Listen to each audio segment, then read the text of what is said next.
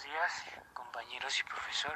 Mi nombre es Luis Ángel y junto con mi compañera Andrea vamos a explicarles los elementos y características del aprendizaje colaborativo. En primer lugar tenemos una meta en común. Todos los integrantes buscan una mayor obtención de información más eficaz y mejor resumida para un mejor trabajo elaborado.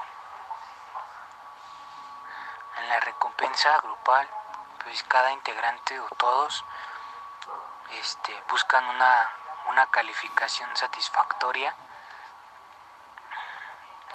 En las normas claras constarían de que de las reglas que se van a imponer para, para que cada integrante se comprometa para elaborar su trabajo de manera correcta.